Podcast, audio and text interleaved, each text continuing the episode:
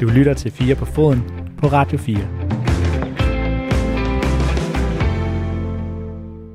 Velkommen til den her uges 4 på foden. Mit navn er Niklas Stein, og jeg er altså ikke Dan Grønbæk, som plejer at være vært her på programmet, for Dan han har nemlig gang en daglig EM-podcast i de her dage.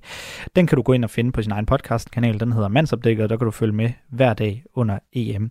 Så fire på foden her under EM er også en lidt en specialudgave, hvor vi puljer alle de her EM-podcasts sammen, og så kan du høre dem ikke helt i fuld længde, men de bedste højdepunkter fra serien.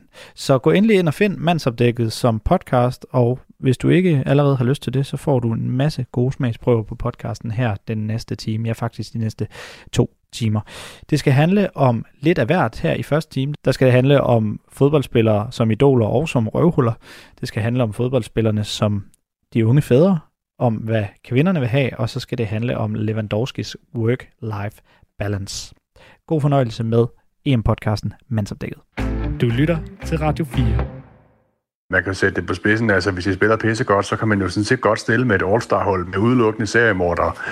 Øhm, så kan man bagefter få moralske forbabelser, altså man kan sige, men så længe at, at, at bolden ruller, så, øh, så, så er alting godt.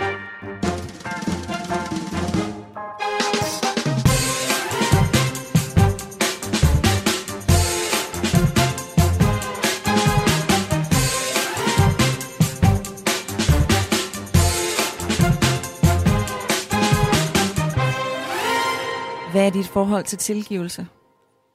at jeg insisterer på, at der altid skal være plads til en, en chance mere. Altså, jeg har svært ved at forholde mig til, hvis man selv har begået, og det gør vi jo alle sammen, begår fejl. Mm. I forskellige karakterer og i forskellige størrelser og sådan nogle ting. Men jeg har svært ved at forholde mig til, at man kan begå så store fejl, at resten af ens liv er ligegyldigt, fordi man ligesom er dømt ude.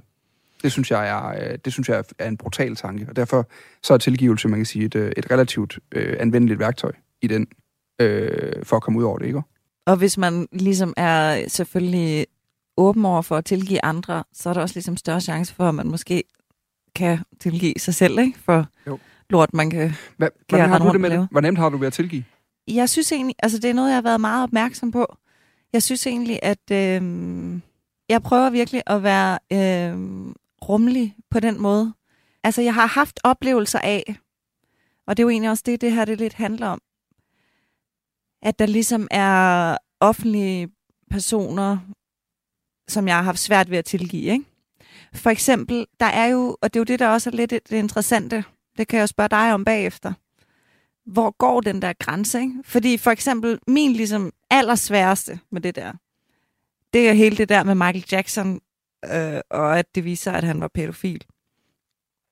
Det har, jeg kan simpelthen ikke høre det musik længere. Det var ligesom sådan, okay, det kan, man, det kan jeg ikke tilgive. Jeg kan ikke danse Nej. til uh, Beat It længere. Og du kan heller ikke øh, distancere dig fra det, mens du hører Beat It. Jamen, det synes jeg også, jeg har prøvet. Så skal jeg godt nok være meget fuld. Har du en oplevelse af, hvad du ligesom har nogen, enten fodboldspillere eller offentlige sådan, mediepersonligheder, hvor de bare har ramt din mur? Jamen altså, vi har jo allerede i det her program ligesom fået deklareret, at jeg jo vælger folk fra, hvis jeg synes, de er træls at høre på, ikke? Så på den måde, så er min grænse... Nej, øh, Zlatan. Zlatan er ude. Øh, ja, nej. Øhm, det, øhm, jeg har det utrolig svært med de der skattesager. Men, men, øh, men betyder det, at jeg ikke kan nyde Messi, for eksempel, eller Ronaldo på en fodboldbane? Det, det, jeg, jeg tror måske, jeg glemmer det lidt nogle gange, når jeg ser fodbold. det, er jo, det er jo også det er jo svært at være moralsk fodboldfan i dag. Er det ikke det? Altså, så ved jeg sgu snart ikke, hvad man skal gøre med sig selv. Man skal dele med tage afstanden til meget i hvert fald. Og måske er det lige præcis det, dagens program handler meget om. Altså, hvornår vælger vi spillere fra, særligt? Hvornår vælger vi klubber fra? Mm. når de gør nogle ting, der strider for meget mod vores eget personlige værdisæt. Vi tager udgangspunkt i dag i den franske landsholdsspiller, øh, tilbagevendte landsholdsspiller Karim Benzema, som jo er tilbage efter fem år på, øh, på sidelinjen, helt ude af den franske landsholdstrup, øh, fordi han jo øh, har en eller anden rolle i den her øh, sexvideosag med Mathieu Valbuena fra øh, 2015. Den kommer vi ind på. Velkommen til øh, Mandsopdækket.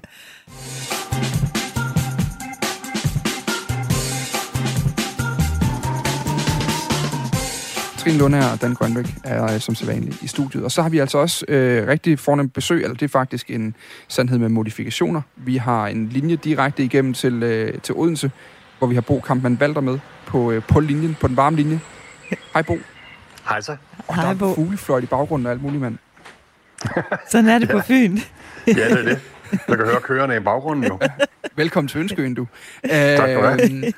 have. Hvad hedder det, Bo Kampmann? Du er, øh, du er jo sådan, lidt sådan professionel, du er medieforsker, øh, er på Syddansk Universitet, er også øh, fodboldskribent ved siden af, og har bylines ja. i øh, blandt andet information, kan man af og til Mhm. læse dine ord om, øh, om de her ting. Og så er du jo øh, endnu vigtigere for det her program, stor fan af Karim Benzema. Ja. Hvorfor er du det?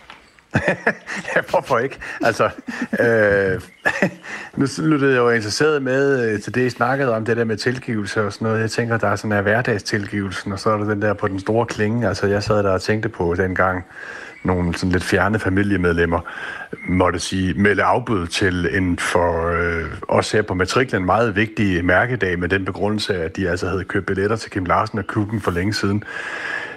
Det havde jeg lidt svært ved at tilgive. Øh, og, og, og, og tilsvarende, så kan jeg også svært ved sådan at tilgive sådan i momentet, så går det over bagefter. Altså, man arbejder jo sådan konsekvent med sin egen indre anchor management, ikke også? Ja. Altså sådan social uretfærdighed, hvis der kommer en eller anden kejle fra, fra nord for København, og synes, at han har ret til hele verden og sådan noget der, så får man da lyst til at installere og aktivere sin, sin, sit middelalderlige hejseværk, ikke? Øh, øh, det, det, er sådan lidt, det, det, kan være, det kan være ret irriterende, men altså med hensyn til fodboldspillere og Karim Benzema, så, øh, så sagde jeg jo til Katrine den anden dag, at jeg synes jo, at han var sådan en småkriminel krammebamse. og og øh, som, øh, altså, når, når det gælder fodbold, så lever man jo i et parallelt univers. Øh, man, man går ind i livet, og alligevel går man ud af livet. Og der synes jeg, der gælder nogle, på nogle måder bør gælde nogle andre ting end i resten af samfundet. Så jeg mener, man kan sætte det på spidsen. Altså, hvis I spiller pisse godt, så kan man jo sådan set godt stille med et all-star-hold med udelukkende seriemordere. Øhm, så kan man bagefter få moralske forbabelser, altså man kan sige, men så længe at, at, at bolden ruller, så, øh, så, så er alting godt. Og han er en fantastisk fodboldspiller, men det er jo det der med, at jeg synes også, hvis fodboldspillere bliver for glatte, hvis de spiller deres rolle for perfekt, mm. øhm, så, så, så kan det være fint nok at se på, men på et tidspunkt så går dampen ligesom af, og så bliver det faktisk øh, så godt, at det, det, det, altså, det mister ligesom deres un, det, underholdningsværdien. Jeg, kan godt lide, at han er lidt ufin i, i kanterne. Jeg kan godt lide, at han er, at han er et røvhul, men alligevel har jeg det sådan, at jeg i en i et parallelunivers, hvor jeg havde en anden seksuel øh, karakter, så ville jeg sådan set gerne føde hans børn. øh, det er muligvis lidt for sent nu, men øh, det var da i hvert fald en mulighed. Øh, og jeg tænker noget af det, vi sådan, måske ikke kan snakke om, det er det der med, hvor konkurren- en ting er jo, hvor går grænsen mellem det moralske og det, det eller hvad skal man sige, det moralsk forkastelige, der hvor man ikke kan tilgive længere og må trække en streg i sandet, og så der hvor vi tænker, jamen det er sådan set okay, givet de regler, vi spiller på, og den bane, vi spiller på, men også forholdet mellem hvad kan man sige, alle de historier, vi bliver bombarderet med, og så den loyalitet, vi på et tidspunkt bliver nødt til at Ja. erkende, at vi bare har mm. over for et hold, over for en uh, person, sådan lidt, mm, så må det briste eller bære-agtigt. Ja. Men jeg er i hvert fald vild med Karim Benzema. Og det, hvis jeg, lige- altså, vi kan jo lige starte med lige at ridse op. Altså, øh, Karim Benzema, han skal jo han, senere i år, øh, oktober måned, skal han få retten i den her sag. Altså, øh, Ja. og, og, efter sine, og det er jo efter sine, fordi det er jo sådan noget med anklageskrifter og alt muligt andet værk lige nu, men efter sine, så har han, der er no, Mathieu Valbuena, hans gamle øh, landsholdskammerat, der, han, der, han, han har noget, noget sjov med nogle kvinder på en video. Ja. Den Nej, video, det er faktisk hans kone. Mm. Er det ikke det? Er det konen? Ja, det er der faktisk endda det. Hvor jeg var Det er, sådan det, lidt... samme, det er jo samme, som skete for Steven, Steven Gerrard dengang i Liverpool i øvrigt. Ja. Fuldstændig det samme. Hvor konen også var ude i noget snask og havde taget virkelig, virkelig meget kokain samtidig med, at hun havde øh, sådan, altså, dykket i noget gymnastik ja. og så videre. Så det er så faktisk samme sag, men, men ja, det er korrekt. Men, men uanset hvad, så er der i hvert fald, der florerer en sexvideo, som øh, ja. Efter sigende nogle af Karim Benzema's barndomskammerater, altså har fået nys om, har fået fat i, og de afpresser så Valbuena og siger, vi skal ja. Bede om 150.000 euro, eller så smider vi den her ud til pressen. Og der, Ja. Benzema er som sådan ikke anklaget for at være en af afpresserne, men han er anklaget for at have hjulpet de her afpressere med at Ja. få Valbuena til ikke at gå til politiet. En mission, ja. Ja. der jo så ikke lykkes, for det gjorde den gode Valbuena lige pludselig, eller i hvert fald Valbuena. Og, øh, mm. Og det betyder altså så nu, at den skal for retten, hvor, øh, hvor Benzema altså så skal, skal svare for sin rolle i, øh, i det her. Øhm, ja. Det betyder så, at han røg landsholdet i fem år, øh, at øh, Olivier Giroud fik mulighed for at vinde VM med Frankrig. Og øh, det, var jo, det var der jo mange, særligt Olivier Giroud, der var rigtig glad for, at han kunne. øhm, Og, og nu er han altså så tilbage, og det er så blevet hyldet rigtig mange steder, som netop som den genkomst, det er, og, øh, og hvor rigtigt det er, at Benzema er tilbage nu. Ja. Øhm, blandt andet jubelscener, hvor vi så Kylian Mbappé, det her unge fantom af en fodboldspiller, øh, jo nærmest gå bagover af jubel over, at øh, Benzema var i, var i truppen igen. Øhm, ja. Der var et spørgsmål, jeg kunne tænke på, Bo, da vi lige snakker om det her nu. Der er, øh, der, er en, der er et par personer i hele verden, som jeg tænker, de kunne gøre hvad som helst, og jeg vil stadigvæk have meget svært ved at tage afstand eller øh, slå hånden af dem, og det er mine to børn. Ja. Ja. øhm, altså, de vil mere eller mindre... Der tror jeg, jeg prøver i hvert fald at opdrage dem efter, at uanset hvad de har gjort i den her verden, så kan de komme til far med det. Ja. Og så kan det godt være, at der kommer en eller anden form for, øh, for, for skæld ud. Det, der er mange ting, der vil medføre nogle skæld ud. Blandt andet noget, det Benzema har gjort her. øh, men men, ja. men i hvert fald have en eller anden form for, altså, at tilgivelse er en mulighed. Altså, og at man ja. aldrig bliver svigtet. Har, har du samme forhold til fodboldspillere? Og til Benzema. Jeg tror, du ville spørge, om jeg havde samme forhold til mine børn. ja, det, ja, det tror jeg lidt som et, et udgangspunkt for samtalen. Ja. Men, ja. Jeg tænker, det er sådan relativt øh, almindeligt menneskeligt, at det forhold har man til sine børn ofte. At der, der skal virkelig meget til i hvert fald, hvis det overhovedet kan lade sig gøre. Ja, det kan jo diskuteres, men jeg forstår, hvad du mener. Øhm, du sned jo lige sådan en øh, privat moralsk præmis ind der. Ja. Men fair nok, øh, så har jeg et forhold til fodboldspillere, som, som, som du har til dine børn. øhm, og, og, og, og, og der må jeg jo sige ja, og øh, så man kan sige, at jeg har to fodboldbørn, fordi i hvert fald Benzema, han er den ene af dem. Altså, øh, jeg ville så også have taget ham op på mit skød, og så sagt, ved du hvad, øh, Karim, søde lille Karim, når du skal ud i det der, så skal du måske opføre dig sådan en lille smule mere strategisk. Man kan godt have givet ham sådan en lille retorik- eller kommunikationskursus, da han så ringede til Valbuena, og jo sådan set ageret en form for småkriminel broker, ikke? Altså, det var jo hans opgave, øh, hvis anklagemyndigheden får ret, ligesom at få gjort det klart øh, for den her stakkels fodboldspiller, øh, som ikke kunne holde ordentligt på sine shorts, eller det kunne hans kone så ikke, at han ligesom skulle gøre det klart, at de mente det faktisk øh, for real, ja. de her øh, øh, typer fra Marseille og så videre og så videre. Øh, men altså, så ville jeg have sagt andre ting til ham. Og, og en anden fodboldspiller, jeg også ville have det samme forhold til, det ville være, øh, det er sådan en som, øh, som Pirlo. Altså han kan heller ikke sådan rigtig gøre noget forkert i, i, i, i min optik. Uh, han har haft rigtig mange år, for eksempel, hvor han kunne lære sig engelsk, når han nu også skulle til New York og sådan nogle ting. Der. Det kunne han ikke rigtig tage sig sammen til, fordi han hellere ville snakke sådan lidt halsløret italiensk og være, have en vinborg og sådan nogle ting der. Men det synes jeg bare er i orden. Altså, det synes jeg er hyggeligt. Altså, det synes jeg er fint. Altså. Uh, så, så sådan har jeg det med de der fodboldspillere. Men jeg kan sagtens se logikken, og jeg kan sagtens se problemerne i det, altså.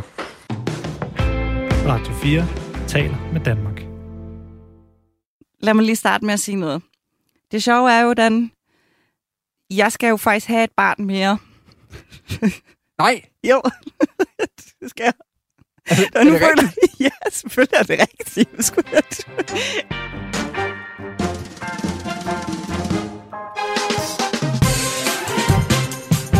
Det her er Mandsopdækket, Radio 4's EM-podcast om fodboldspillere, og ikke bare fodbold. Din værter er kulturskribent Katrine Lundager og jeg selv, fodboldjournalist Dan Grønbæk.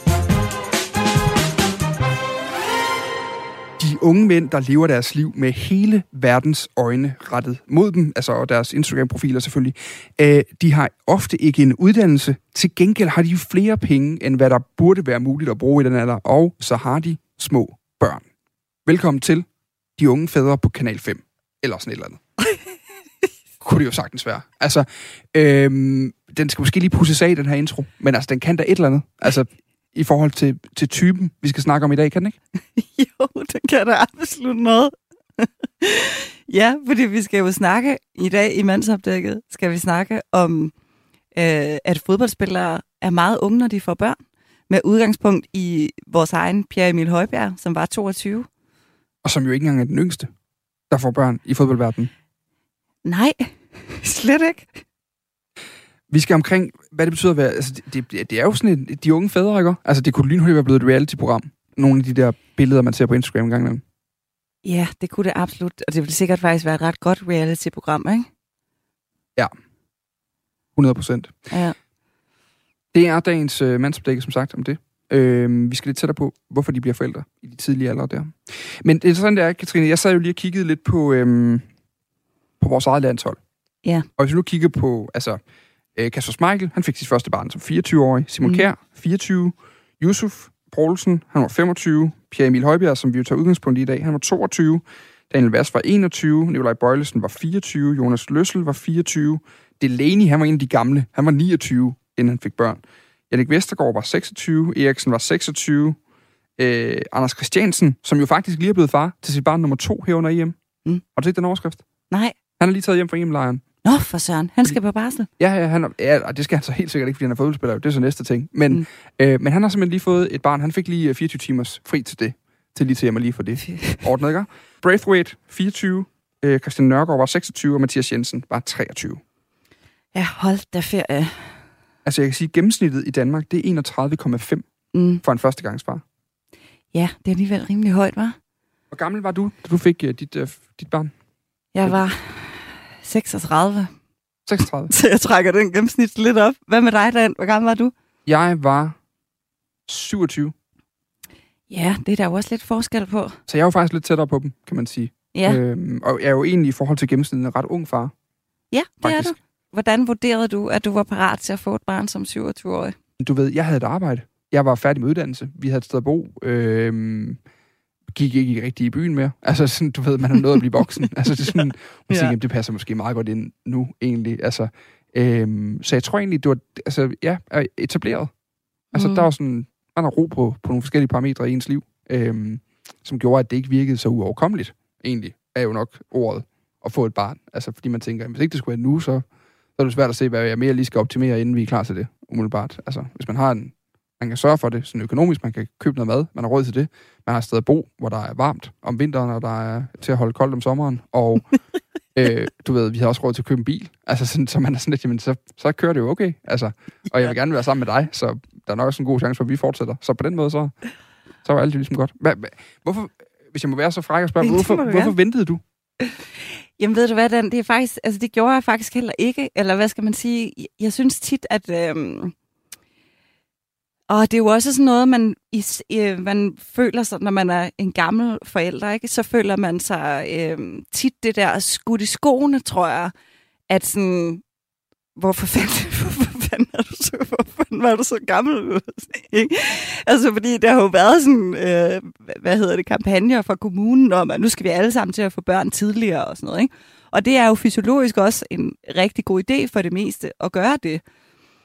Men jeg tror bare, jeg føler sådan, at, at det er som om, at, at, at folk ligesom tror, at jeg har stået et sted i mit liv, og så tænkt sådan, nej, jeg skal fandme ikke have børn nu. Jeg venter lige 10 år, og så tager chancen med, at øh, skidtet stadig fungerer til den tid. Ikke? Og det er jo ikke, øh, det er jo ikke sådan, det har fungeret, og sådan er det heller ikke, fordi jeg synes egentlig, der er mange i min omgangskreds, som er rimelig meget op i årene. Altså, jeg kan helt klart se, at der er noget, der har ændret sig der. Min egen mor var 23, ikke? Ligesom, lidt ligesom landsholdsspilleren, da hun fik min storebror.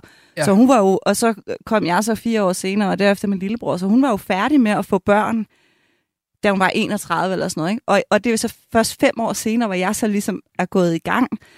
Og det er jo i sig selv sådan besynderligt for mig at, at, at tænke på, faktisk. Men, men det for nu også så svare på dit øh, spørgsmål, i stedet for alle de her refleksioner.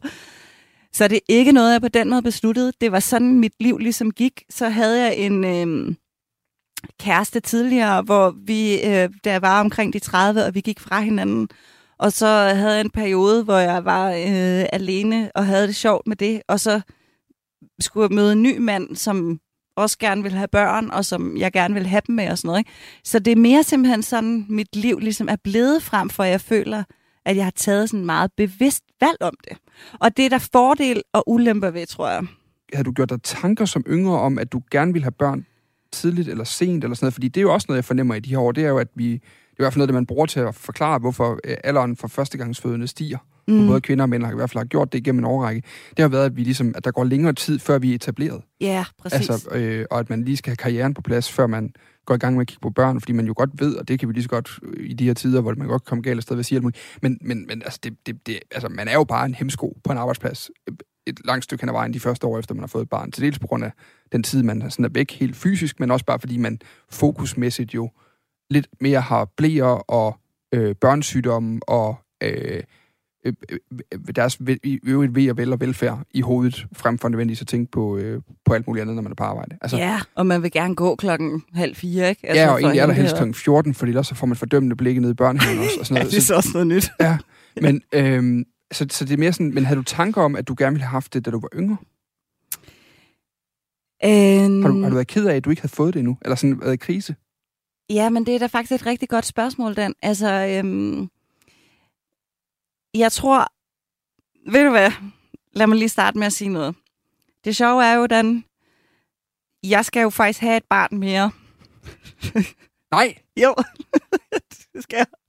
Altså, Og er nu det føler rigtigt? ja, selvfølgelig er det rigtigt. Jeg skulle- nu føler jeg bare, at det er vildt jeg underligt at det have den her godt- Det kan godt være, samtale. du tænkte, det er pisse god radio. Det kan jeg lige sige her. Og så bare, så tager vi den bagefter og siger, det passer Det sgu var ikke. faktisk rigtigt. Det var, Nå, tillykke, Katrine. Tusind tak skal du have, Dan. Jamen tak for det. Altså til december, så det er sådan forholdsvis, det er ikke så lang tid siden, jeg har været til det der nakkefold, så det er derfor, jeg også har holdt det for alt godt?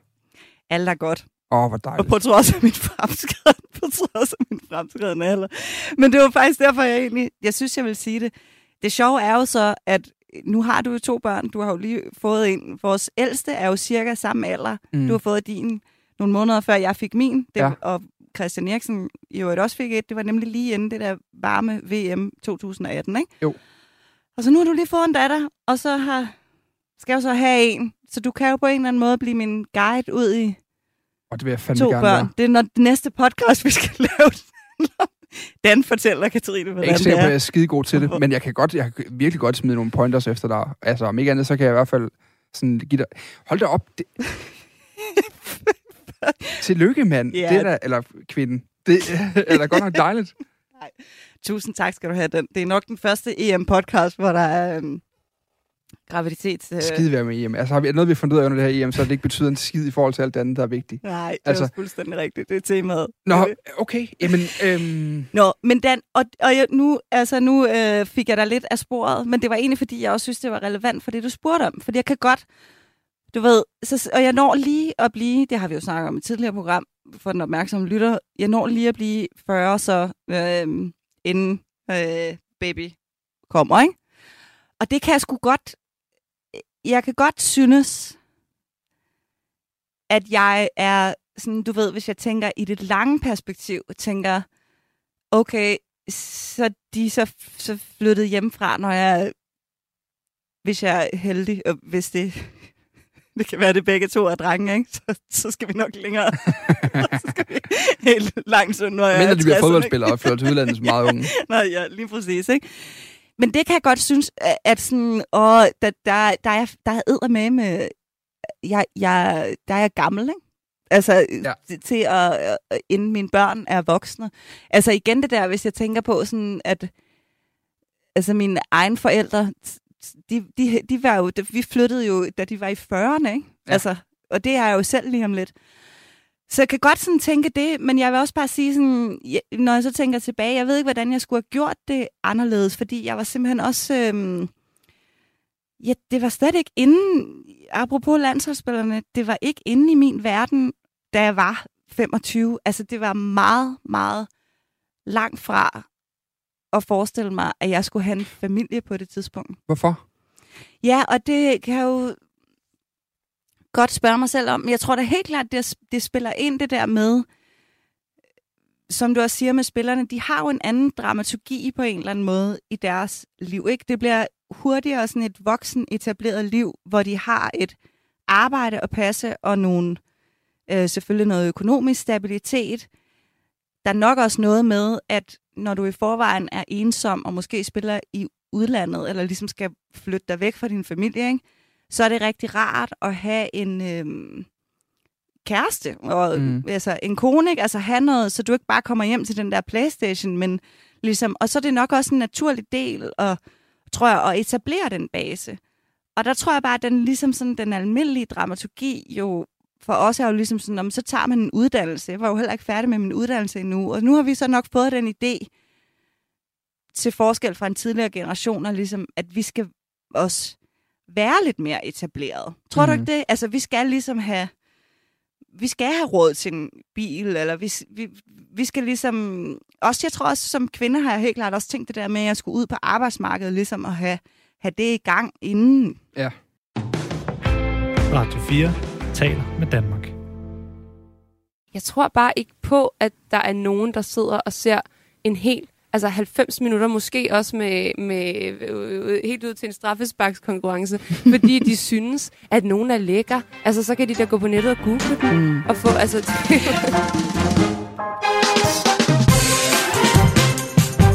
Det her er Mandsopdækket, Radio 4's EM-podcast om fodboldspillere og ikke bare fodbold. Din værter er kulturskribent Katrine Lundager og jeg selv, fodboldjournalist Dan Grønbæk.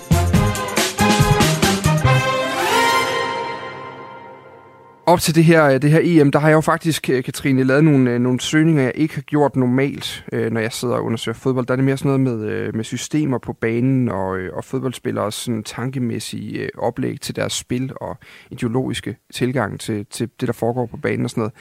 Mm. Men jeg har faktisk forsøgt en del på VM's lækreste fodboldspiller. Ja. fordi ja. jeg synes altid, der er noget fascinerende i de her historier, der jo traditionelt set er dukket op i mange forskellige medier, når der er slutrunder, mm. at man laver historier over, hvem er de flotteste på fodboldbanen. Og, og det er jo sådan lidt, altså fodboldspillere er jo mange mænds mindreværdskompleks, fordi de er jo som udgangspunkt relativt veltrænet, relativt velgroomet, og de har god tid til at gå til frisøren og alle de her ting, ikke? Øhm, så, så de er per definition flottere end mange af os andre. Men, men det er meget skægt, fordi jeg kan jo næsten lure hver eneste gang, at det ikke er mig, som sådan en mand med en fodboldhylde derhjemme med bøger på, altså som nødvendigvis er publikummet for den historie. Hvordan, hvordan mm. har du set på de historier som kvindelig fodboldfan? For jeg går ud fra, at de er mere rettet mod dig, end de er mod mig. Ja, det må man næsten antage, ikke? Øhm, jeg har altid synes det var ret irriterende. Men det er jo selvfølgelig fordi, at jeg også interesserer mig på, for fodbold på en anden måde, end øh, hvem der er lækrest på banen. Så jeg tror faktisk, altså det lyder jo måske sådan lidt som en kliché, men jeg tror egentlig altid, jeg har følt mig sådan talt lidt ned til af det, ikke? Mm. eller i hvert fald forbi, og sådan lidt antastet af antagelsen om, at det er det, kvinder kan interessere sig for ved fodbold. Så jeg synes faktisk, øh, det er helt vildt positivt, fordi det virker helt klart som en vinkel, der var vildt stor for 10 år siden. Der var der fodboldkoner med store bryster på endda sådan nogle seriøse medier som Tipsbladet, og hele den der, der er så meget kvinder ikke forstår vinkel, ikke? Mm. Har, har Otted jo også droppet, fordi det sådan er helt ude af trit med tiden på en eller anden måde. Så jeg, jeg er glad for, at der er sket noget. Det tror jeg, der er i hvert fald. Jeg kan ikke finde mm. så mange den her gang. Altså, den seneste, jeg kunne finde, det er fra VM i 2018, hvor, øh, hvor det faktisk er Eurowoman, der har fundet, de, lavet den alternative startopstilling med de lækreste fodboldspillere. Ellers så har vi øh, tilbage fra VM i 18, der var det stadig i fuld gang. BT lavede historien om, øh, hvordan man scorer de lækreste landsholdsspillere. hvordan, de, hvordan gør man det? Ja, jeg har simpelthen ikke læst ned i den. Jeg tænker, jeg vil ikke give dem tiden. Øh, men, men, øh, men det viser en undersøgelse, de har fået lavet af, af YouGov. De har simpelthen fået undersøgt, hvem der er de lækreste fodboldspillere fra landsholdslejren på det tidspunkt. Øh, altså sådan som en helt, altså en, en objektiv undersøgelse? Der sidder nogle meningsmålingsfolk, der reelt har brugt mm. seriøs arbejdstid på det spørgsmål. Øh, og Øhm, når vi går længere, altså det er helt så, det ser hør, det er vi unge, det er sågar DR, der tilbage i forbindelse med et håndbold, en håndboldslutrunde øh, tilbage i 2013 også har øh, spurgt brugerne om, hvem der er de lækreste håndboldspillere. Mm. Så det er en tendens, der ligesom er, øh, er øh, må man gå ud fra, forsvindende efterhånden. Og øh, så har jeg tænkt, altså det er jo, der er nogle spillere, der har levet godt af det her image som sexsymbol.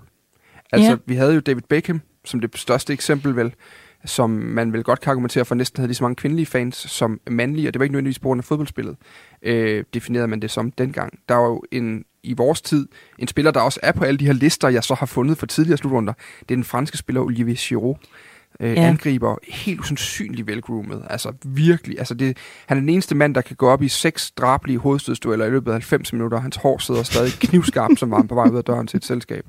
Jamen, han har sådan helt klassisk sådan Brandon Walsh-agtig sådan lidt sådan flødebolle, pænt hår look. Det har han mm. altid haft, ikke? Jo, det har han virkelig. I dag i mandsopdækket, der skal vi gå tæt på, hvordan fodboldverdenen, fodboldmedierne og fodboldspillerne øh, behandler de kvindelige fans. Hvad det er, man gør for at prøve at fænge dem. Og ikke mindst øh, også, hvad det egentlig overhovedet øh, gør ved fodbolden, hvad ved fodboldspillerne, at vi betragter dem som sexsymboler. Det er dagens udgave af mandsopdækket. Rigtig hjertelig øh, velkommen til.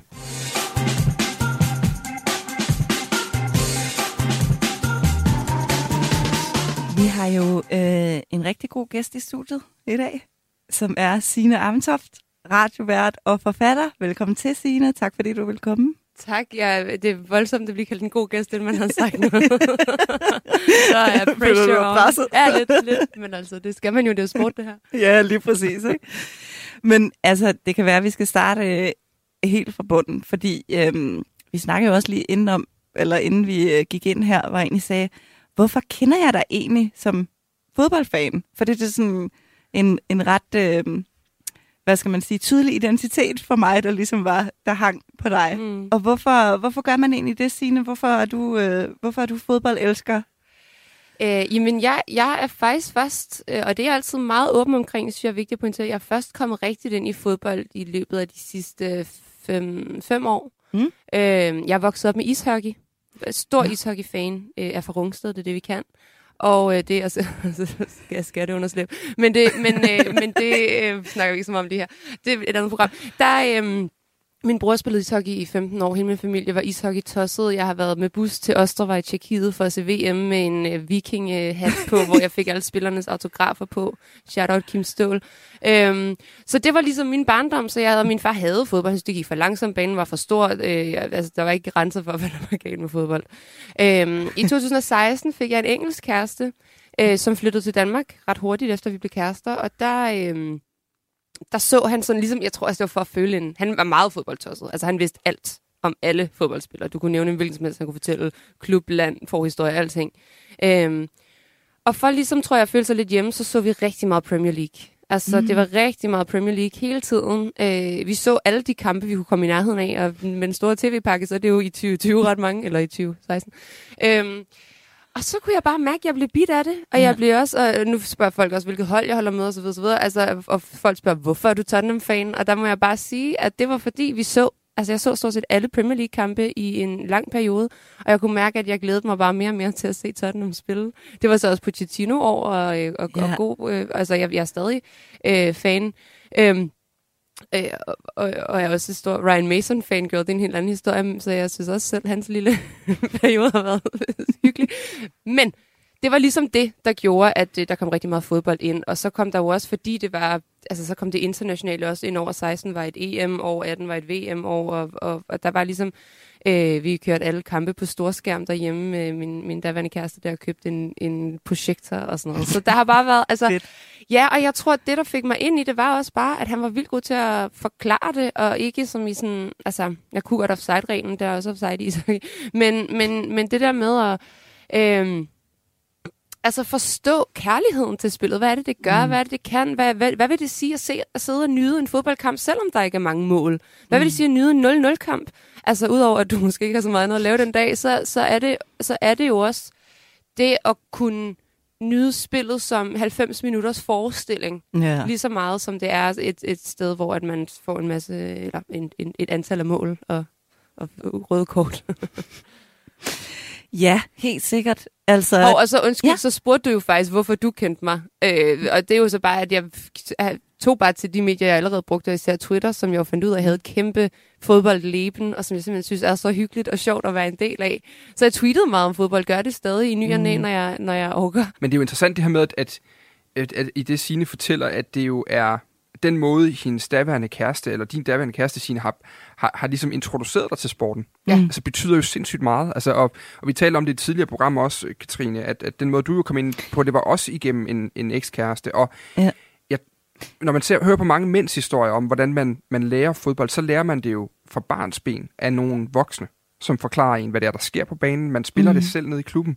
Man, man, man får, man kan sige, en blødere introduktion til fodbold, en, en mere øhm, pædagogisk tilgang til, til indlæringen af fodbold, end jeg tror, man gør, hvis man hopper på som voksen fodboldfan, hvor der lidt hurtigt, lidt hurtigt kan gå, når fatter du så noget offside i den. Altså, mm. Men det, når, det ved jeg faktisk på. ikke, om jeg, om jeg er helt enig i lige der, fordi jeg tror, at øh, jeg har for eksempel ikke, jeg, for, jeg kom blødere ind i det, synes jeg, ved at lære om det på den måde. Jeg har jo så, altså for eksempel jeg synes, når mange af dem, jeg kender, som har lært det fra barnsben, de hader den anden klub. De ja, hader, ja, ja, altså ligesom jeg har det indgroet had til Rødovre via ishockey. Jeg kommer aldrig til at synes, at Rødovre er andet end et lort. Mighty Bulls. Jamen præcis, Mighty Bulls, never forget.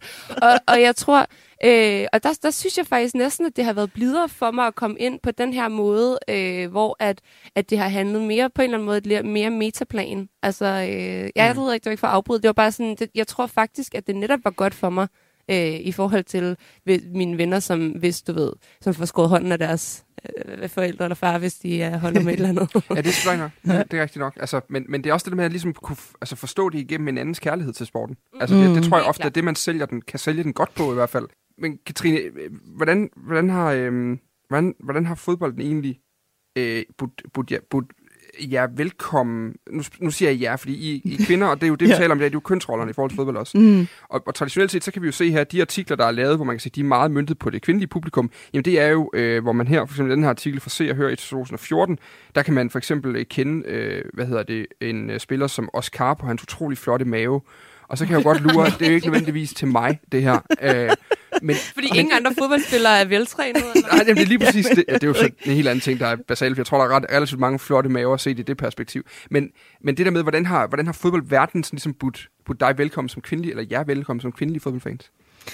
Jamen, jeg tror faktisk, jeg sad og tænkte på, da du fortalte, Signe, at det er jo nemlig ret sjovt, fordi vi på en eller anden måde øh, har den samme historie, fordi øh, jeg havde også en kæreste, som var øh, meget glad for fodbold.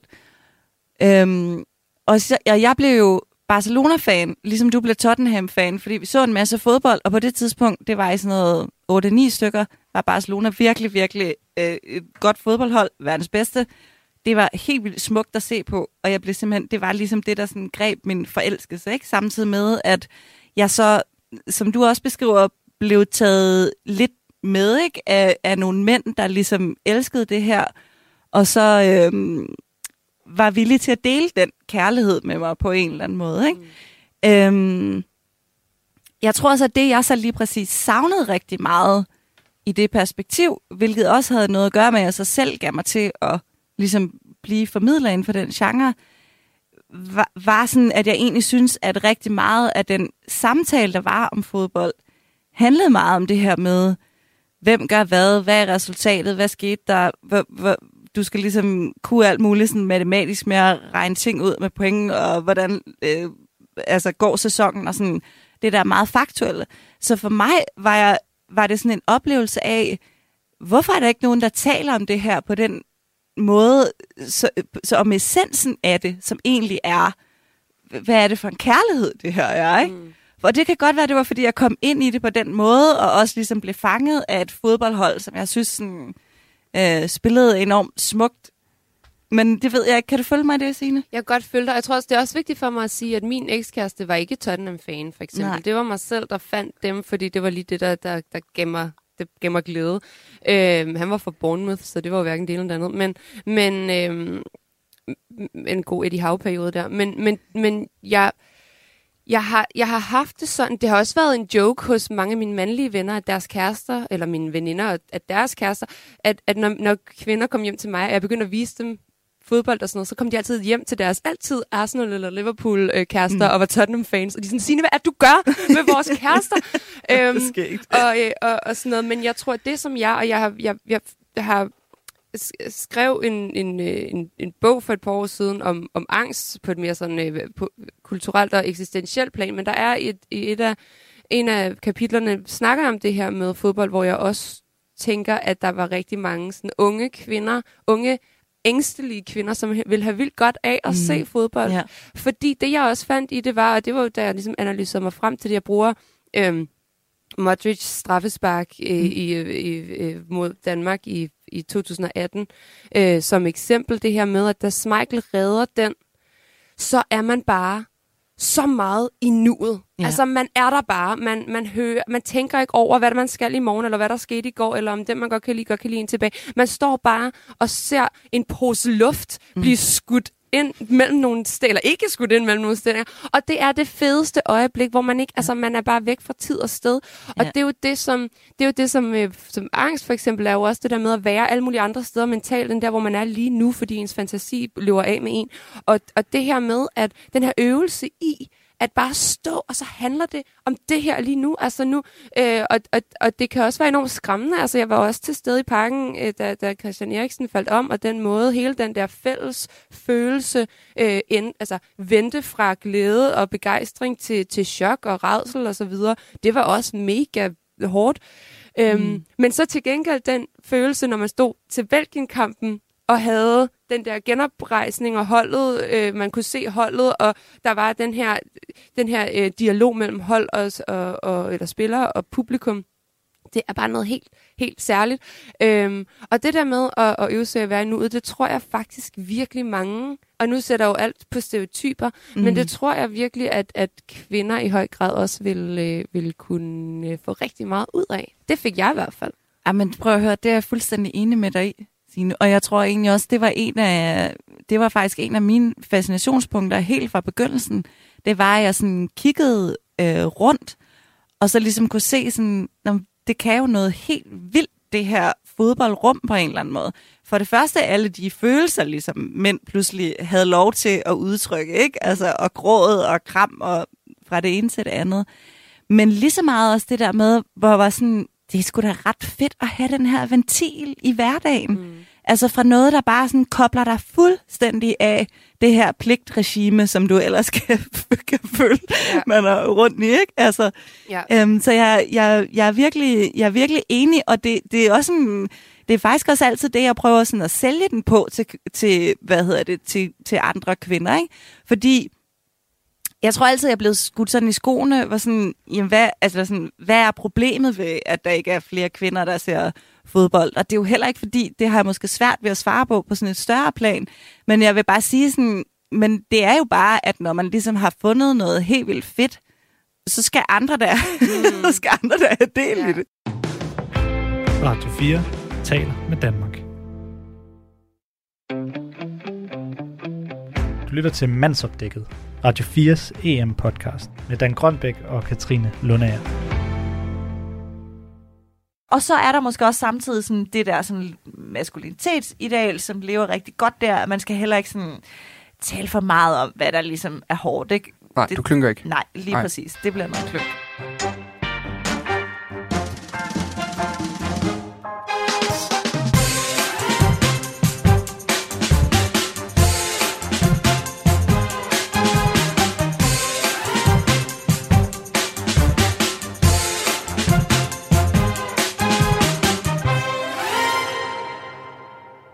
Jeg har læst en øh, artikel i Politiken for nylig, øh, som er et øh, interview med Lewandowski.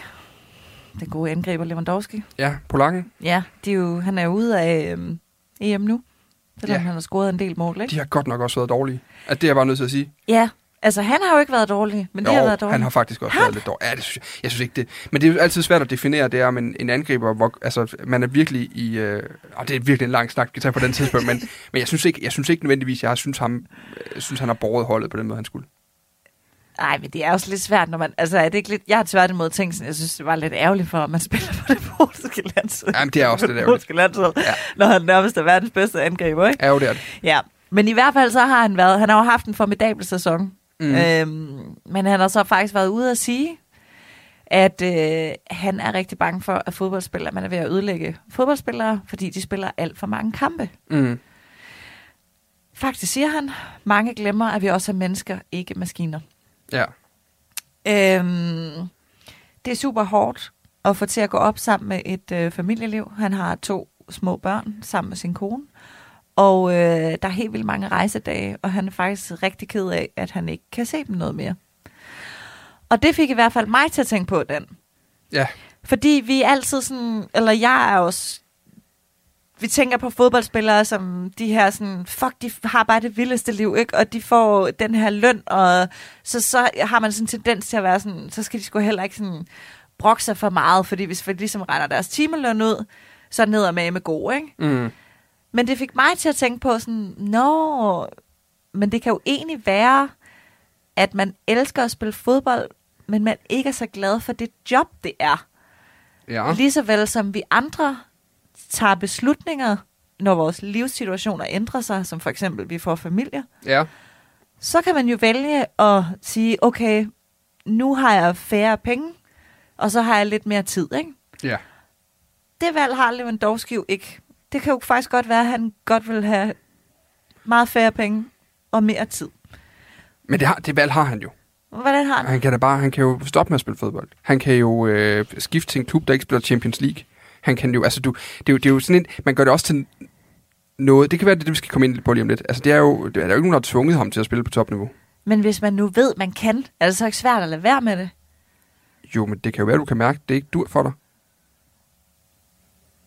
Jeg kan Ja. fornemme, at vi skal tale lidt om work-life balance i dag. vi skal nemlig tale lidt om work-life balance. Kan du ikke lige først fortælle, øh, hvordan ser, når man nu er øh, fodboldspiller på øverste hylde, ligesom Lewandowski er, Ja. han spiller i Bayern München. Ja. Han spiller vel alle kampe, ikke? Ja. H- hvordan ser sådan en almindelig uge for ham så ud? En almindelig uge for ham. Altså, sæsonen går jo ofte fra sådan start august, lige rundt, altså ungefær, ikke? Ja. Ja. Nogle ligaer er det 14 dage efter, nogle ligaer er det 14 dage før, som i den danske for eksempel. Mm. Og så kører den jo gerne ind til uh, slut maj, noget ja. af den stil, hvor den ofte rundes af med en Champions League-finale, hvis man er så heldig at komme langt i de europæiske klubturneringer. Mm. Så er der så sæsoner som den her, hvor der så også er en landsholdsturnering i løbet af sommeren. Og så er der jo diverse landskampe i løbet af året. Jeg mener, jeg tror gennemsnitligt, så spiller en fast landsholdsspiller, der bliver udtaget og også spiller venskabskampene, spiller vel en 6, 8, 9 landskampe om året. Lidt flere i den her coronasæson, fordi der er noget lidt mere komprimeret kampprogram. Jeg sad faktisk lige og kiggede på Chelseas kampprogram Ja. for den forgangne sæson. De kom jo i Champions League-finalen, vinder Champions League-finalen. Ja. Og hvis du, hvis du havde spillet fuld tid for Chelsea i den ja. forgangne sæson, så har du spillet 59 fodboldkampe. Og det Bare har du, med dem. Det er bare med dem. Ja. Og, og hvis man så lige modregner, øh, der er jo faktisk ikke rigtig, der er jo ikke rigtig pause omkring jul i England, eller ikke i januar vel. Men hvis du modregner, så skal du så lægge landskampe oveni, fordi man må gå ud fra, hvis du er med i den startopstilling, der spiller Champions League finale, og vinder den for Chelsea, så er du formodentlig også på landsholdet. Mm. Øhm, så kan du så lægge 8-9 kampe oveni, så er vi oppe i slutningen af 60'erne. Og så derudover, så kommer der en slutrunde, slutrunde her til sommer, Ja. som så lige runder sæsonen af, hvor du så yderligere har, hvis det går rigtig godt, så det er tre i gruppespillet, 8. del, kvart, semi og en finale. Det vil sige syv kampe ekstra. Så er du oppe på 75 kampe på en sæson. Ja, det er med også noget. Og der skal vi så trække 3-4 uger sommerferie fra os. Ja. I på sådan et, et, et års jul, ikke? Så du spiller jo de der 4, 75, 76 kampe på noget, der ligner 45 uger, måske. Altså, det kan jo så være det gode for Lewandowski, at de er røget ud så tidligt. Så kan han gå tidligere på sommerferie. Ikke? Hvornår skal de møde ind igen? Det skifter lidt fra klub til klub. Altså, der er jo flere af de danske klubber, der lige har startet op i træningen nu her. For de spillere, der ikke er med til EM. Ja. Men typisk er det jo sådan, at hvis du har været med til EM, jeg er lidt spændt på at se, hvad der sker med ferierne i år. Altså typisk er det jo sådan, at en spiller har en cirka tre uger sommerferie efterfølgende. Mm. Og, og så kan det være, at man forlænger den for sådan en spiller som for eksempel, jeg tror den spiller lige uden jeg kan huske det, så den spiller, der har spillet flest kampe for Chelsea det forgangne år, det er Mason Mount, mener jeg nok, øh, offensiv midtbanespiller fra, Liverpool, eller fra England.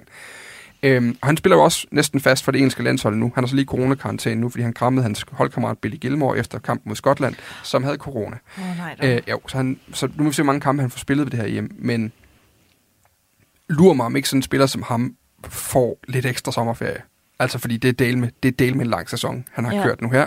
Og det er også det, man har frygtet i forbindelse med corona. Det er jo de her skader, altså de her belastningsskader, der, der kan dukke op, Mm. når man, øh, når man spiller. Men det, det er en helt anden snak. Det er jo sådan den fodboldmæssige side af det. Men, men altså typisk vil jeg sige, det er nok i langt størstedelen af ugerne i løbet af året to kampe per uge plus træninger hver dag. Måske med en enkelt hviledag om ugen.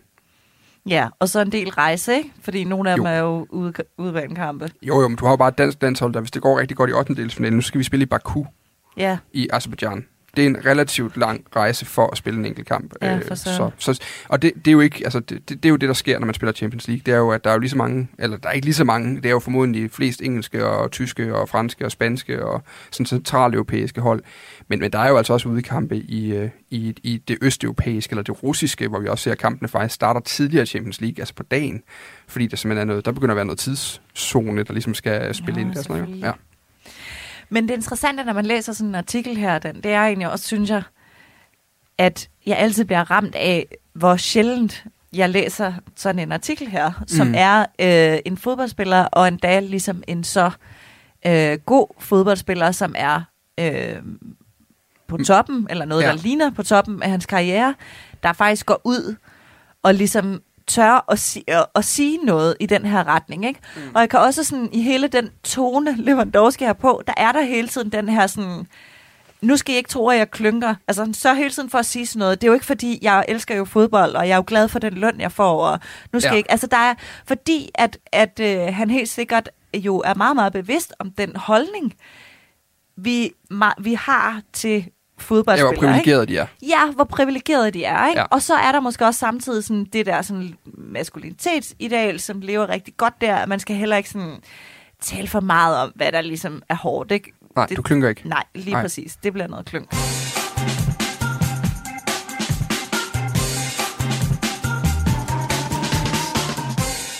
Og det synes jeg egentlig var meget øh, sjovt, at han så går ud og siger det, også fordi han er jo ikke sådan på den måde en meget eksplicit person ellers. Nej, det er han ikke. Altså, øh, han er jo sådan mest kendt for sit øh, sådan vanvittige, nærmest Cristiano Ronaldo-like træningsregime selv, hvor folk jo siger, at han nærmest bare bliver i bedre form med alderen, fordi han behandler sin krop så godt og spiser alt det rigtige, skråstreg drikker alt det rigtige, øh, fordi hans kone er også meget træningsfokuseret, så de har sådan et øh, nærmest... Øh, sådan, at det er virkelig et tight schedule, de kører med mad og træning derhjemme i den familie. Øhm, så han er jo en spiller, der på mange måder bygger sig selv op til at gøre lige præcis det, han skal på banen. Så det er jo interessant, at han begynder at vende det ind i sådan en ting, der ikke hedder... Altså, al snakken har jo været på det fysiologiske. Ja, Vi presser spillerne for ja langt. lige Vi, præcis. de, de, øh, de, de er simpelthen... øh, De, deres, deres muskler kan ikke følge med. Vi kommer til at få Ja. flere skader. Vi kommer til at se... Men det interessante er jo, når vi... Han er jo nærmest inde og røre ved noget, der hedder udbrændthed. Præcis. Fordi det er nemlig enten er det på det fys- fysiologiske, eller også er det lidt på det strukturelle, ikke? Altså Ja. sådan kritikken af organisationerne, at nu bliver, nu, hvorfor skal vi have alle de her kampe, det er pengehensyn, Ja, ja, ja. Og, og det der, ikke? Men det er nemlig fuldstændig rigtigt. Det bliver jo sådan et ekstremt øh, personligt udgangspunkt, hvor, og det jeg faktisk tænkte på undervejs, uden at det helt bliver nævnt, det er jo det her, snakker vi egentlig noget, der er hen af arbejdsrelateret stress, som du også siger, udbrændthed, Ja. ikke? Og det tror jeg, vi gør. Altså, jeg synes også, det er noget, man... Altså, vi, vi har fodboldverdenen er blevet åbnet op på den måde, vi taler meget om angst efterhånden. Altså, Ja. man taler meget om angst, man taler om depression. I hvert fald i Danmark, der er det en åben samtale, man har nu, efter der er kommet nogle undersøgelser, der viser, at det er jo, jeg mener, det er hver tredje spiller, der oplever det på en eller anden niveau. Og det er jo, fordi de lever under et massivt pres. Mm. Selvom de ikke nødvendigvis har så mange arbejdstimer, så ved man jo også efterhånden fra stressforskning, at det er ikke nødvendigvis mængden af arbejdstimer, Nej. der giver dig stress eller brænder dig ud. Det er øh, og nu taler jeg frit fra leveren, så det er ikke, lad være med at hæfte op på en eller anden forsker, det er ikke nødvendigvis det, jeg har gjort. Men, men det er jo mere den her fornemmelse af, at man ikke kan løse sin opgave, eller der er for meget pres på det, man skal, Ja. eller man ikke kan definere den opgave, man skal løse, eller sådan, altså, det er fornemmelsen af, af rådvildhed, vildhed, mere end det er fornemmelsen af travlhed, måske. Ja. Og øhm, det, er jo der, at, at det er interessant, at man, at man også kan... Det er faktisk noget, jeg har tænkt på i noget tid. Altså, mm. der må der være nogle af de her fodboldspillere, der bliver forfærdeligt stresset på et tidspunkt, Ja. fordi du hele tiden skal give dig selv op og ned Ja. i spændingsniveau i de her sæsoner, når der er så mange kampe. Og så vil den øh, lidt råbende fodboldfan, der står derude og kalder dem privilegie, hun og alt muligt andet, altså vil jo sige, at det, det er faktisk det, de får deres penge for. Mm. De kan da bare ansætte en mentaltræner for alle deres millioner, og så øh, holde styr på det med ham. Men, men det er jo i virkeligheden øh, nogle ret basale menneskelige øh, systemer, der er i gang, fordi de er jo bare de mennesker, de her stakkels øh, fodboldspillere, nogle gange i hvert fald. Og det, det, det har faktisk undret mig nogle gange, at man ikke taler mere om stress. Lige præcis. Fordi selvfølgelig må der være nogle af dem, der er det. Altså, og jo... Øh, og jo især faktisk også, når man skal være noget derhjemme. Ja. Altså ligesom skifte med de der, mellem de der forskellige gear, ikke? Og der kan man jo bare sige sådan... Det, det, det er jo selvfølgelig fedt nok at være mange millionær resten af sit liv. Det er, kommer Lewandowski jo også til at være, og hans børn gør jo også, hvis han forvalter det ordentligt og sådan noget, ikke? Ja. Men det ændrer jo ikke på, at hvis man så overhovedet ikke har set dem i de første 10 år af deres liv, altså så kan man jo godt at synes, at, det er på, at det, man kan jo godt få en op en dag, og så synes, at det er bittert. Har du selv haft oplevelse med stress? Det har jeg. Jeg har faktisk været øhm, meget alvorligt stressramt, eller sådan, hvor, jeg virkelig, øh, hvor det virkelig tog røven på mig. Jeg tror, jeg sådan inden havde en tendens til det der, som måske faktisk heldigvis er- er blevet taget lidt ud af sproget nu, at vi sådan i almindelig tale var sådan, uh, nej, jeg er lidt stresset over det her, eller som du faktisk siger, at hvor det er meget forbundet med travlhed, ikke? at det er sådan, om så bliver man stresset. Mm. Og der fik jeg, der ramte det mig bare den der oplevelse af, det var bare over øh, hovedet ikke det, det ligesom handlede om, fordi det jo var en total fysisk tilstand, som Prøv at beskrive den. Hvad var det, der skete med, Jamen- med din krop og med... Øh... jeg, det, det første, der skete, var, at jeg simpelthen holdt op med at sove. Altså øh, bare øh, ligesom det, altså nat efter nat, ikke? Altså, jeg blev jo mere og mere træt. Ja, nu står jeg og griner af det, det var vidderligt overhovedet ikke sjovt, men, men fordi det var så syret en situation, og der gik noget tid, inden det egentlig gik op for mig, hvor jeg helt sådan, hvad, hvad foregår der? Hvad, hvad kan der egentlig være galt her? Prøvede hele tiden at finde den der råd til det, ikke? Og så langsomt fandt jeg ligesom ud af, sådan, om det her, det er jo simpelthen en, det er jo, jeg er jo syg med et eller andet her, ikke? Det var, at jeg kunne ikke sove, jeg havde øh, helt vildt meget hjertebanken, jeg havde øh, koncentrationsbesvær, det var faktisk flere måneder, hvor jeg overhovedet ikke kunne læse. Jeg kunne ikke øh, sidde foran computeren, øh, uden at øh, min, øh, mit blik blev øh, sløret. Øhm, ja, det var vist faktisk det, der sådan var de og så var jeg også i, selvfølgelig, det bliver man jo så også i sig selv af ikke at sove, men mit altså, humør var jo også øh, ekstremt ligesom på et lavpunkt, ikke? Du lytter til Radio 4.